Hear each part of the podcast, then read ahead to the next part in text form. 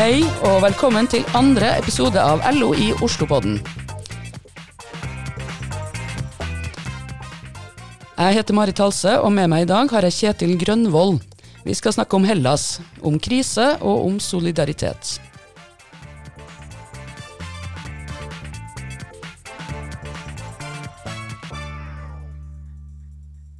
Dagens gjest, Kjetil Grønvoll, er med oss på telefon fra Sefle i Sverige, hvor han bor og jobber. Kjetil har vært opptatt av Hellas i flere år. Han bor i Hellas tre-fire måneder hvert år. Og han bidrar med informasjonsarbeid i form av artikler og reportasjer og på andre måter. Kjetil er også med i styringsgruppa for organisasjonen Solidaritet med Hellas. Velkommen, Kjetil. Jo, takk for det. Er du klar til å prate om Hellas i en halvtime? Det kan vi forsøke. De fleste husker vel finanskrisa som skylte inn over Europa for en drøyt ti år siden. Den krisa førte til stor økonomisk nedgang i store deler av Europa, og Hellas var et av de landene som ble hardest ramma. I 2010 kom det gjeldskrise som nærmest tvang Hellas i kne. Nå har jo Hellas vært medlem av EU siden 1981, og en del av eurosonen siden 2001, så det var vel naturlig for dem å be EU om hjelp. Og I mai 2010 ble landet påtvunget et låne- og reformprogram fra EU-kommisjonen som skulle hjelpe Hellas ut av krisa. Enkelt oppsummert så måtte Hellas innføre en lang rekke innstramminger og såkalte reformer av helsevesen og velferd for å få låne penger til å komme seg ut av krisa. Men det her har jeg egentlig bare overfladisk kunnskap om, så kan du utbrodere litt, Kjetil? Ja, Som du sier, så vil mange av oss huske de greske kriseåra. Og særlig de mest dramatiske kriseåra. Noen kaller det et gresk drama, og det kan de med en viss rett gjøre. Men til forskjell fra de gamle fortellingene fra antikken, så var det ikke greske helter eller greske antihelter som regjerte scenen. Avtalen tvang grekere, undertvang grekere, og de skifta makta eh, over til hendene til de nye herrene. De som satt i Washington og Frankfurt og Brussel. For sammen med EU-kommisjonen så tok Det internasjonale pengefondet, altså IMF, og Den europeiske sentralbanken over styringa. Den greske nasjonale suvereniteten ble satt til side. Viktige politiske og sosiale rettigheter ble borte med et, med pennestrøk, så å si. Altså, og Regjeringen i Aten den aksa rolla som håndlanger på kreditora. Parlamentet på Syntagmaplassen i Aten var som sto som et maktesløst eh, sandpåstrøingsorgan. Altså et stempelpuse, rett og slett. Og så veit vi hva det førte til. Altså Målt i dybde og varighet reda regimet de tvang på Hellas den største økonomiske krisa som har ramma noe land i hele verdenskapitalismens historie. Og Det er det brei enighet om. Og jeg vil mene at det var en villet krise. At uh, Hellas var et lite land med liten befolkning og svak økonomi ramma av krise. Det gjorde dem egnet til at makta kunne omdanne Hellas til et uh, laboratorium for nyliberal revolusjon. Altså et begrep som ofte brukes av kritikere og økonomer. Det i form av uh, store og brutale budsjettkutt. Og det tok form av radikale strukturreformer. Og det henger sammen, selvsagt. Det dreier seg om at institusjonene gikk løs på den greske sosialstaten, altså med krav om fjerning av 20 av alle offentlige stillinger. Det opprettet et privatiseringsprogram som kreditorene har makta i. De har bl.a. lederen for styret. Og som innebærer at all offentlig eiendom i prinsippet kan selges ut. I praksis er de satt ut på billigsalg. Og de gikk løs på den greske arbeiderklassen. På arbeiderrettigheter, på fagbevegelsen. Allerede i 2011 i forbindelse med forhandlingene forut for eh, det andre memorandumet, andre avtalen, så tvang de Hellas til å avskaffe en av de mest progressive arbeidslovgivningene i Europa, og erstatte det med en ny lov som er blant de mest bakstreverske i Europa. I praksis så innebar den at eh, kollektive forhandlinger ble forbudt, at kollektive avtaler ble forbudt, at fagbevegelsen ble revet opp og i realiteten gjort nesten irrelevant. Noe som førte til at reallønna sank med 28% Og det siste, dette med den greske fagbevegelsens erfaring fra den greske uh, krisen er det verdt for oss å legge oss på minne, vi som holder på opptatt av fagbevegelsen i Norge. For dette var den altså, europeiske elitens verk. Altså den nyordninga som kreditorene tvang på Hellas.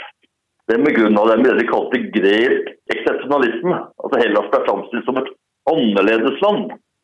I deres virkelighetsforståelse så skyldtes den økonomiske kollapsen indre forhold.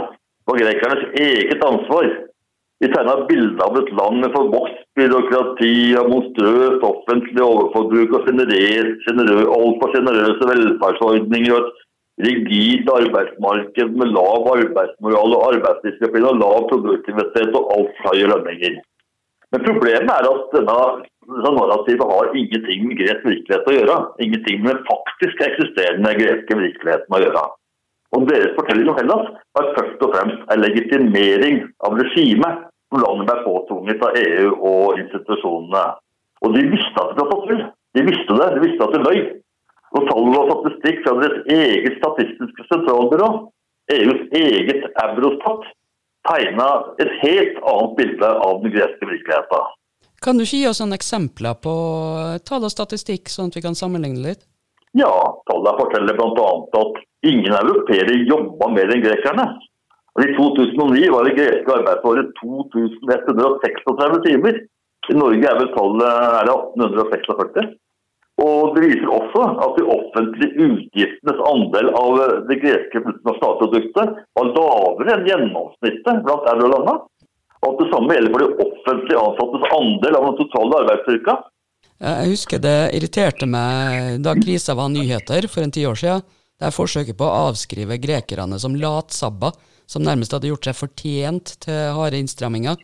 Og som du sier her, så de stakk seg jo heller ut i motsatt retning gresk eksepsjonalisme det har uh, fått andre former, annet innhold, de siste åtte åra. For på gresk grunn har det vokst fram en bevegelse av solidaritetsgrupper som er unike i Europa. eller mange sidestykker i Europa.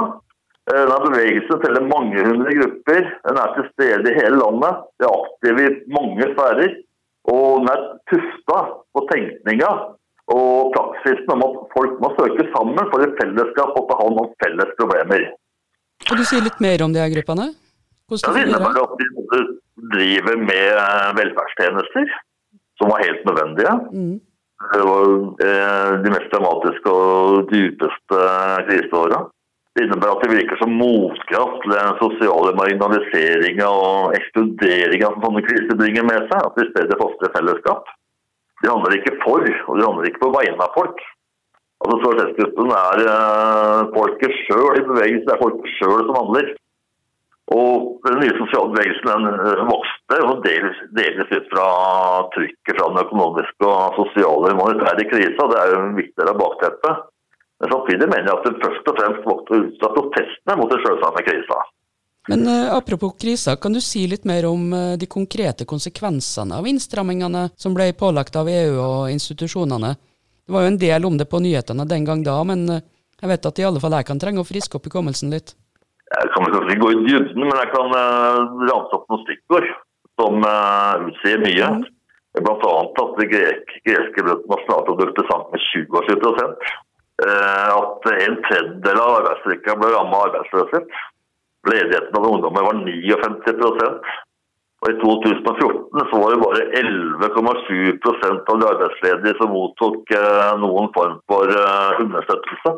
Apropos ledigheten blant ungdom, altså Hellas er også karakterisert av masseemigrasjon.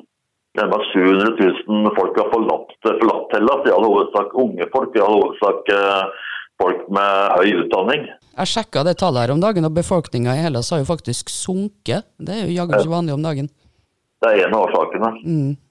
Men det henger også med at eh, altså gjennomsnittlig forventa levealder er begynt å synke.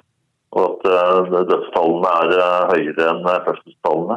Ja, disse tingene som speiler dybda i krise, er at gjennomsnittsinntekten for greske husholdninger sank med 40 og pensjonsytelsene er nesten halvert. Og pensjon har vært en anliggende den europeiske norske offentlighet av en om, eh, om usannsynlig sjenerøse pensjonsordninger. For det første er det ikke sant.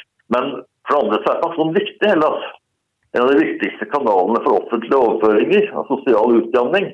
Altså Andre sosiale støtteordninger er helt mikroskopiske. Og i undersøkelser i løpet av kriseåret så oppgir over halvdelen av greske familier at Pensjon er deres viktigste inntektskilde. Mm. Og den kommer hele familienettverket til gode. Forresten, jeg har fått med meg at uh, Omtrent halve befolkninga i Hellas lever under fattigdomsgrensa, og det er jo ganske drygt. Så vidt jeg husker er andelen fattige i Norge litt over 10% Og her hjemme så har vi i alle fall forholdsvis ålreit uh, helsevesen, blant annet. Tilbudet er ikke helt det samme i Hellas, har jeg skjønt? Altså, Offentlig tjeneste- og velferdsordninger lei kraftig under politikken fra EU og institusjonene. Og, og helsetjenesten er absolutt blant dem. Det er ganske grotesk, det vi er vitne til, har vært vitne til.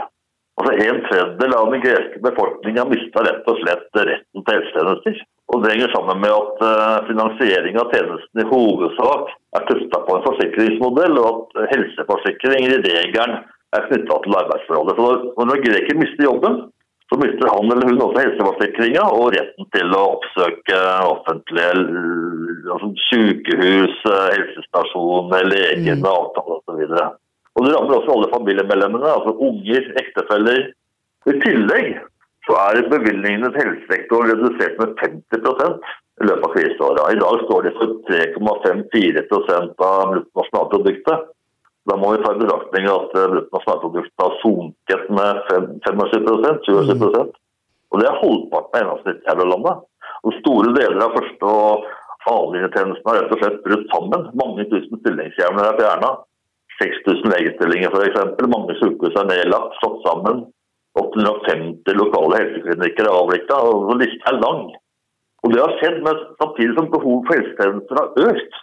Ja, Det har jo vært sånn, uh, vært sånn noen år nå. Kan man merke noen virkning på helsa til folk? Altså, F.eks.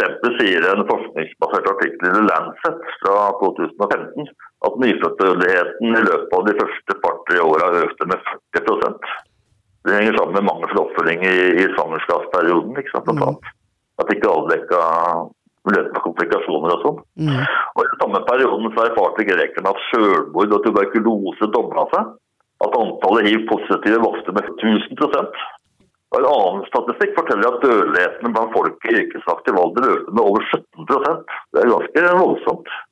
Og Samtidig så er det verdt å merke seg at ifølge mange eksperter kan det være at uh, de store helseproblemene fortsatt ligger inn i framtida. Altså, det henger sammen med at mange folk, mange pasienter med kroniske sykdommer ikke har fått oppfølging som de trenger. Mm. Fordi alvorlige sykdommer ikke blir diagnostisert tidsnok. Og også at 20 av greske barn ikke gjennomgikk vanlige vaksinasjonsprogrammer. Så det er mulig at framtida blir enda mer dramatiske tall. Så er det sånn at Den greske staten aldri har vært en velferdsstat. altså vi tror hva vi forbinder med, med, med velferdsstatsbegrepet. Og Tradisjonelt og historisk så er det liksom den greske familien, slektskapsnettverka, må vært det viktigste sosiale sikkerhetsnettet. Men da krisa kom, så undergravde det også deres rolle. Altså Økonomien til husholdningene ble radikalt mye dårligere. På samme tid som forsørgelsesbyrdene ble radikalt mye større. Du nevnte solidaritetsgruppene for noen minutter siden. Det, det er en slags sosial selvhjelpsbevegelse, nærmest? Ja, i hvert fall Jeg har spilt helt avgjørende rolle for hundretusener av greker. For mange har det betydd forskjellen på liv og død, rett og slett. Det omfatter bl.a. 50 solidaritetsklinikker. Den største av dem, Metropolitan Community Clinic Elinikon, som LO i Oslo har solidaritet med Hellas uh, samarbeider med. Mm. Lengt før i Aten har f.eks. 300 frivillige, 100 leger bl.a. Og hatt 80 000 klienter inntil nå. De greske stafettgruppene er et motsvar til de som svikta sin rolle som leverandører av velferd. Og I så måte så er det berettiga å se den økonomiske, sosiale og humanitære krisa vi har snakka om, som eh, en av fødselshjelperne.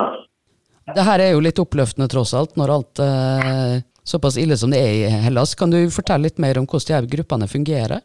Ja, I forhold til liksom opphavet så viser seg måten det skjer på. da. At, altså, at befolkningen organiserer seg for å ta skjea i egne hender. Derfor syns jeg kanskje at uh, sjøl at uttrykket sjølhjelpsbevegelse blir litt gærent. At det blir for snevert. Det er mer presist og riktig å si at uh, de bygger motmakt nedenfra. Og Det vil jeg begrunne i at eh, befolkningen organiserer seg for kollektiv handling. Og fordi de er bærere av eh, arbeidsmåter og organisasjonsformer som eh, har kraft i seg til å overskride den rådende samfunnsordninga. Og Selv om krise er en viktig del av bakteppet, som vi har vært på, så vokste solidaritetsgruppene, mener jeg, først og fremst ut av protestene mot kuttpolitikken. Og denne bevegelsen var også den største og sterkeste protestbevegelsen i Vest-Europa har vært vitne til de siste 75 åra. Det strakk seg over nesten to år. Og sommeren 2011 okkuperte to millioner grekere torg og hovedgater i alle de greske byene i samfunnet to måneder. Altså, de henta inspirasjon i arabiske våren, også i i Spania, occupy-bevegelsen i USA. Men til forskjell fra de andre opprørene, så har de greske overlevd. Altså Solidaritetsgruppene bringer opprøret videre i den nye tida. Men du mener det går an å si at Hellas virkelig er et annerledes land? Ja, jeg vil mene det. Jeg tror at også at det greske unntaket, for å si det sånn, henger sammen med at grekerne i uh, mye større grad enn de tilsvarende bevegelsene på den tida sto i åpen konfrontasjon med staten og i åpen konfrontasjon med landets kreditorer.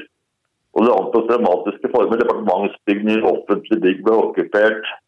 Jeg kan nevne at uh, 28. oktober, grekernes dag, som er en viktig dag i Hellas, i 2010, mm. så den store militære prosesjonen uh, i Thessaloniki avlyses. Thessaloniki som er liksom brennpunktet for den feiringa. Fordi at uh, demonstranter rett og slett jaga den greske studenten ut av Thessaloniki. Altså, Styrkene våga ikke å, å, å, gå ut i gatene.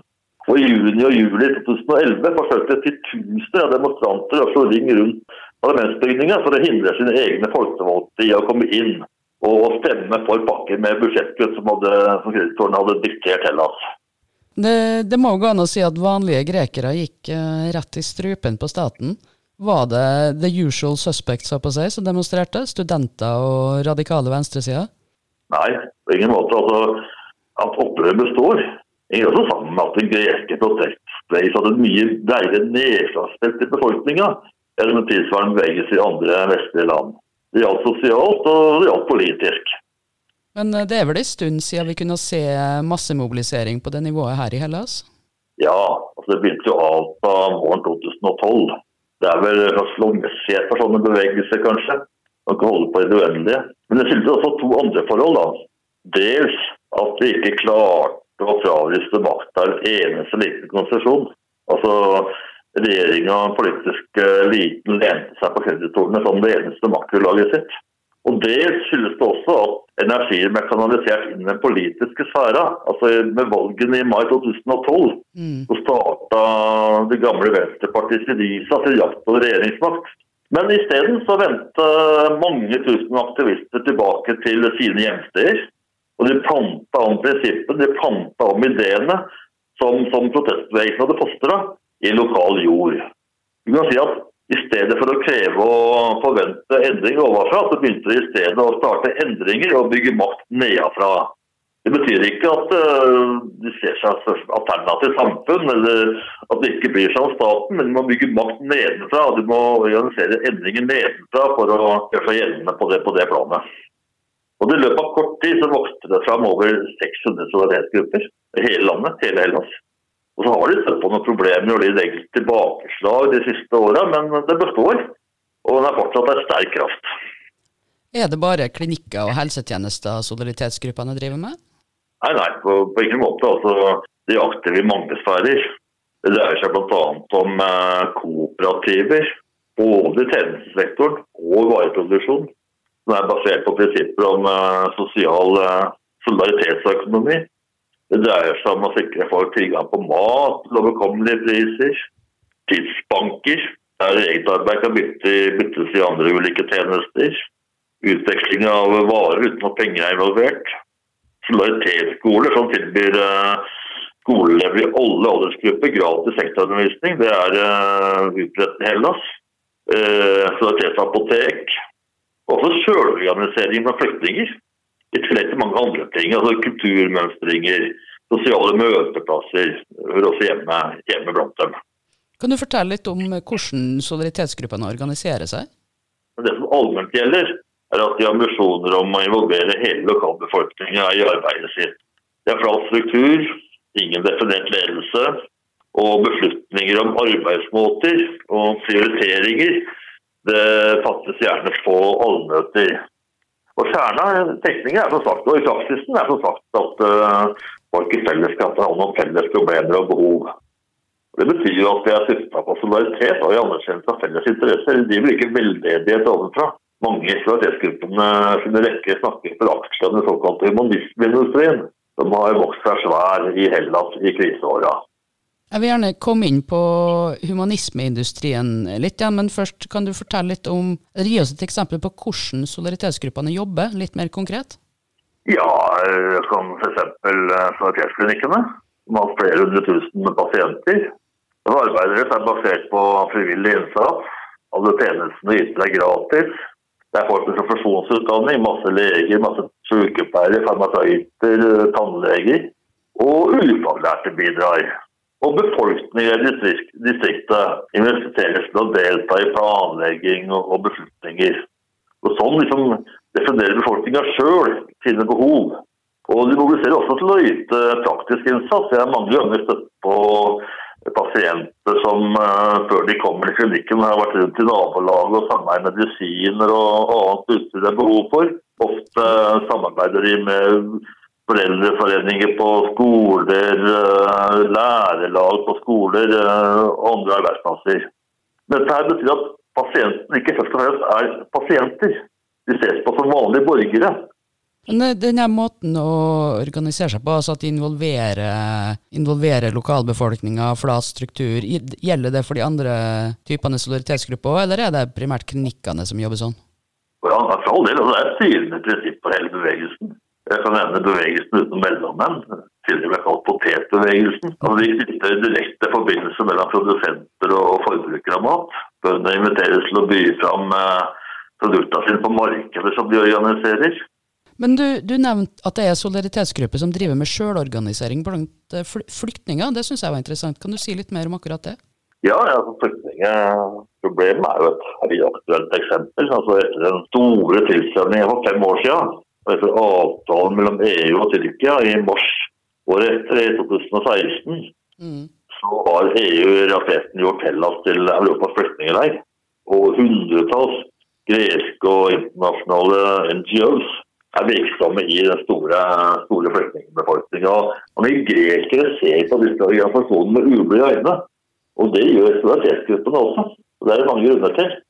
De anklages for korrupsjon og økonomisk middel. Jeg sjøl erfarte grove eksempler på det da jeg besøkte Moria-leiret på Lesbos. Dessuten mener mange at de først og fremst er opptatt av å bygge eget image for å få tilgang til nasjonale og internasjonale pengebygger, bevilgninger og støtte. Men det viktigste i kritikken er at de håndhever en modell som passiviserer flyktningene og gjør dem til objekter for veldedighet overfra. Det er ikke noe sånn entydig bilde, men tendensen er sterk. Og disse gruppene som beskjeftiger seg med flyktninger, solidaritetsgruppene, de jobber etter helt andre linjer. Det ligger bredt på egenorganisering og myndiggjøring, og på å gi flyktningene en egen selvstendig stemme. Hva konkret betyr det? Hvordan jobber de? Jeg kan nevne at uh, det bl.a. tar seg uttrykk i okkupasjoner over, over 100 tomme bygårder. De greske byene tomme bygårder er mange av. Og mange av dem er omdannet til boliger og bokollektiver som driftes og administreres av flyktningene sjøl. I Aten sentrum var det mellom 10 og 15 av dem. Etter at den nye regjeringa overtok makta i juli i fjor, så satte takene inn opprørspolitiet, og det har rydda og tømt noen av disse bygningene. Men mange består. Og særlig ekstra Ekstafie er flyktningene godt integrert i lokalsamfunnet. og Den lokale befolkninga slår ring rundt dem. Et annet eksempel er uh, solidaritetsskolen School for Immigrants i havnebyen Pireus. Og den har også vært virksomhet i Skaramangas, altså den største flyktningleiren på det greske fastlandet. Og snarere enn å sørge for undervisning og forestå det sjøl, la de vekt på å rekruttere lærere blant flyktningene sjøl, og overlate ansvaret for organisering og undervisning til dem. Vi har også til med å skaffe undervisningsmateriell og lærebøker som blir brukt på skolene i flyktningenes hjemland. Det var et tilsvarende eksempel i Moria-leiren med afghanske lærere som uh, etablerte en egen skole. Og jeg får bare forresten nevne at skolene Statsforbundet i Oslo de har tette forbindelser med solidaritetsskoler i Hellas. og de Bl.a. inspireres og, og at de har et solidaritetsprosjekt på, på beddingen. Det er jo hyggelig. De er jo medlem av LO i Oslo, så det kan vi like. Ja, ja. Jeg liker denne måten å, å jobbe på. altså Solidaritetsgruppene hjelper flyktninger til å hjelpe seg sjøl. Det er et prinsipp jeg kan like, men jeg kom på ei eh, noe mindre solidarisk gruppering som har prøvd å utnytte krisetidene. Gyllent daggry. Noe litt mindre solidarisk, ja. Det er. Det er en av tingene som kan sies om dem. Men det har relevans for det, dette er jo når vi prater om eh, solidaritetsgruppene. For altså, da den økonomiske kollapsen kom for ti år siden, det kom det som et sjokk. Det rammet befolkninga ekstremt hardt. Altså i store befolkningstunge områder. I løpet av få måneder så rakna det offentlige apparatet. Rakna. Myndighetene trakk seg ut. Og midt oppi et eh, sånn dramatisk og økonomisk og sosialt mørke så var folk som overlatt seg sjøl. Altså, det vante livets svant. Ekskludering og fremmedgjøring trådte inn i stedet. Og Det var en viktig del av bakteppet da den greske nazismen reiste huet sitt igjen etter 70 år. Gyllent dager med sine vigilantegrupper rykka inn i innvandrertette bydeler i Aten og rundt Pireus og erklærte at vi ordner opp for dere. Vi har kommet for å ordne opp for dere.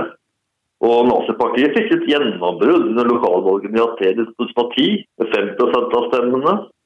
De to nasjonale valgene i 2012 fikk de nesten 7 Og meningsmålinger det samme året på høsten det fortalte oss støtter til nesten ja, 17-18 hvert fall grekere som ville ikke stemme for dem. Men likevel Det greske nazipartiet har alltid vært en ørliten organisasjon. Det er altså 200-300 fullverdige medlemmer, andre og flere. Og de forsøkte aldri å organisere befolkninga.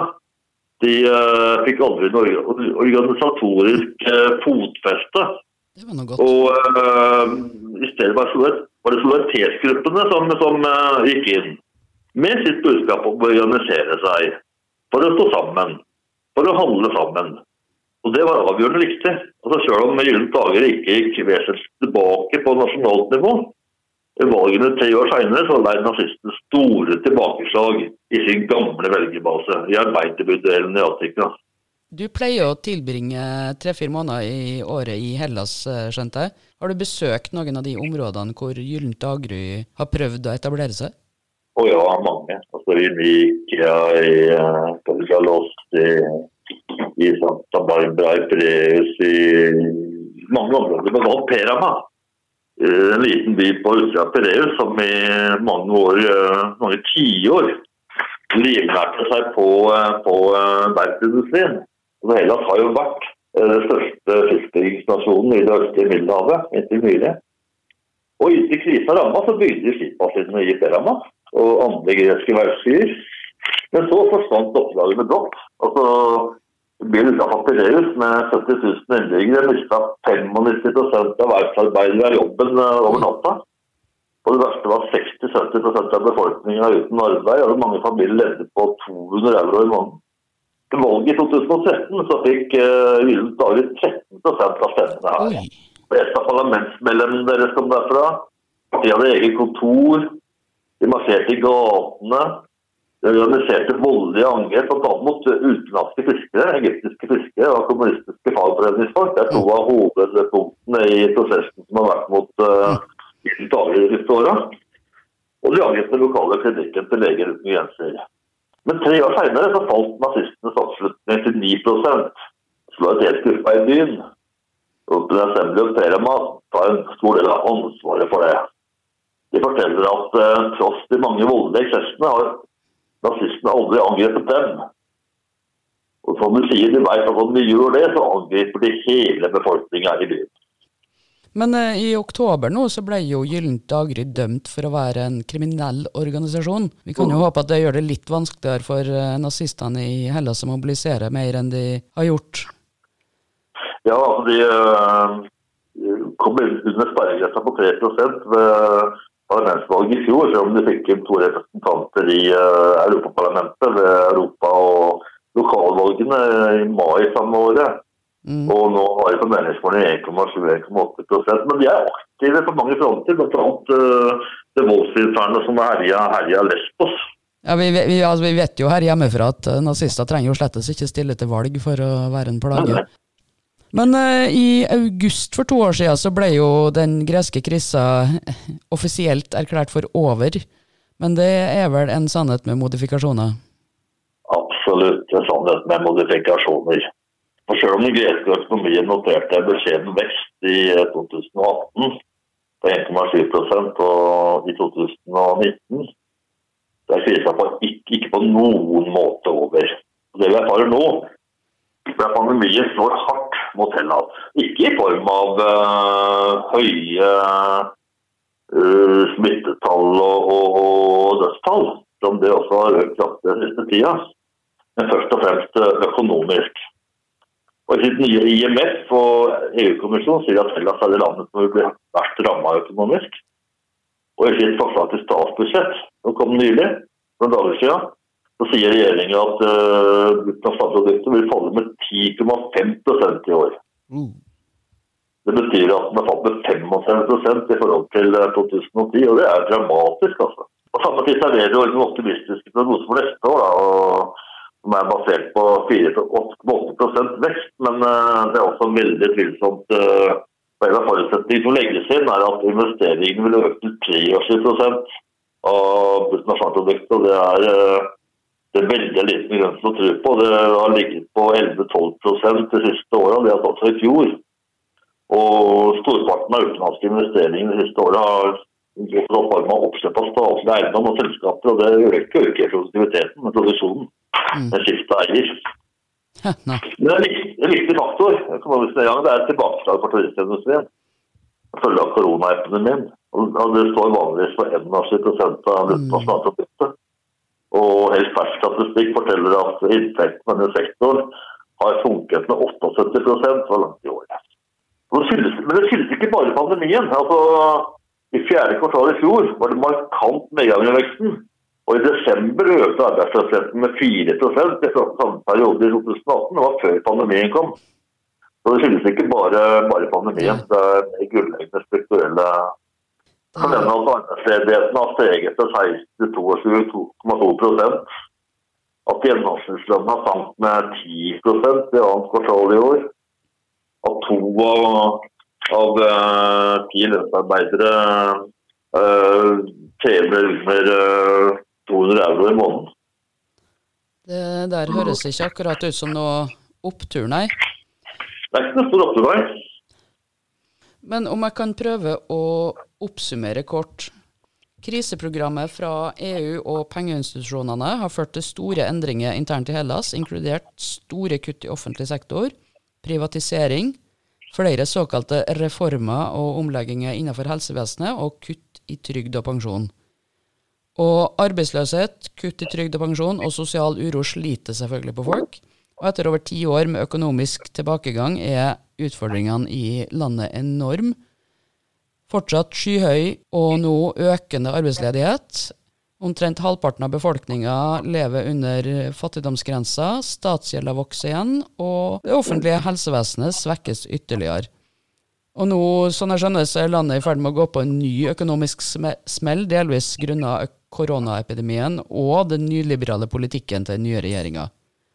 Så selvhjelpsorganiseringa som sprang ut av krisa for ti år siden, har vel ikke akkurat blitt overflødig, sjøl om krisa offisielt er over. Men så er jo spørsmålet hva vi kan gjøre med det her. Vi kan jo ikke bidra til vekst i turistnæringa midt i koronaepidemien, og det er kanskje ikke det grekerne har mest uh, lyst eller behov for heller. Men uh, du Kjetil, du er jo aktiv i denne aksjonen eller organisasjonen Solidaritet med Hellas. Kan du ikke si litt mer om den? Ja, gjerne det. Men uh, først vil jeg gjerne si litt om grunnen til at uh, for tatt drive med solidaritet og vise solidaritet på Hellas. Da trekker jeg gjerne fram en uh, fagforlevningsleder fra Tessaloniki som jeg møtte første gang i 2017. Og som da beskrev uh, sine erfaringer i et bilde han brukte. Han sa at vi er som rotter i den farmasøytiske industriens laboratorier. Og medisinen gir oss virker, så kommer de til dere også. Hvis vi ikke alle er, alle er grekere i dag, så blir vi alle grekere i morgen. Den eh, viktigste forskjellen på solidaritet og veldedighet er vel nettopp ja, gjensidighet? Det er felles interesse som ligger i bånn. Det er felles ja. interesse som driver det. Men fortell om uh, solidaritet med Hellas, da.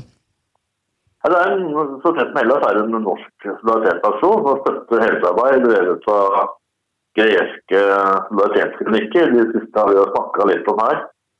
Mm. De samler inn økonomisk støtte og driver informasjonsarbeid. Og det er en rekke eh, enkeltpersoner fra fagbevegelsen og de sosiale bevegelsene i Norge som står bak. Og så vi har en nettside, solidariteten med Hellas nå.no. Det ligger en del informasjon og flere artikler om Hellas. Mm. Ja, dere er på Facebook også, ser jeg. Jeg tenker vi poster lenke både til nettsida og til Facebook når vi legger ut ja, ja, podkasten. Uh, og så har dere laga et gavekort som man kan gi bort til jul. En solidarisk julegave? Ja, altså fylle ut sum av mottaker og gi solidaritet til jul. Så vi samler medisiner til medisiner og utstyr til tre av uh, solidaritetsklinikkene i Hellas. Og det er vel anvendte penger. Jeg besøker dem ofte og hyppig og vet at det er vel anvendte penger. Mm. Og Du finner både gavekort og innbetalingsinformasjon på nettsida eller på Facebook. Jeg nevner at Vipps-nummeret er 83 81 5. Og alle biler manner, Store som små. Jeg tror iallfall det er et julegavetips som jeg skal benytte meg av. Det er en bra gave til de som har eh, alt. Nei, vi kunne jo lett snakka om Hellas og solidaritetsbevegelsen noen timer til, men vi er nødt til å runde av. Så dette var alt for denne gang. Det kommer flere pod-episoder. Neste gang planlegger vi å snakke litt om rød-grønn politikk og partiprogrammene som skal vedtas utpå våren. Det er jo under et år til stortingsvalget. Om du har spørsmål eller innspill om Hellas eller andre tema, send en e-post til post alfakrøll lo-oslo.no. Og så må jeg si tusen takk til OSA, Sporveisarbeiderforeninga, som har latt oss låne utstyr til å ta opp det her. Særlig takk til Einar Fygle fra foreninga, som stiller opp på fritida for å hjelpe oss i gang. Han, eh, sammen med en kollega, driver podkasten På linja. Og sjølsagt takk til dagens gjest, Kjetil Grønvoll. Sjøl om eh, tingenes tilstand i Hellas ikke er best for tida, så var det litt oppbyggelig likevel å høre om arbeidet som gjøres i solidaritetsgruppene. Takk for det, og i like måte. Det var hyggelig. Mitt navn er Marit Halse, og dette var andre episode av LO i Oslopodden.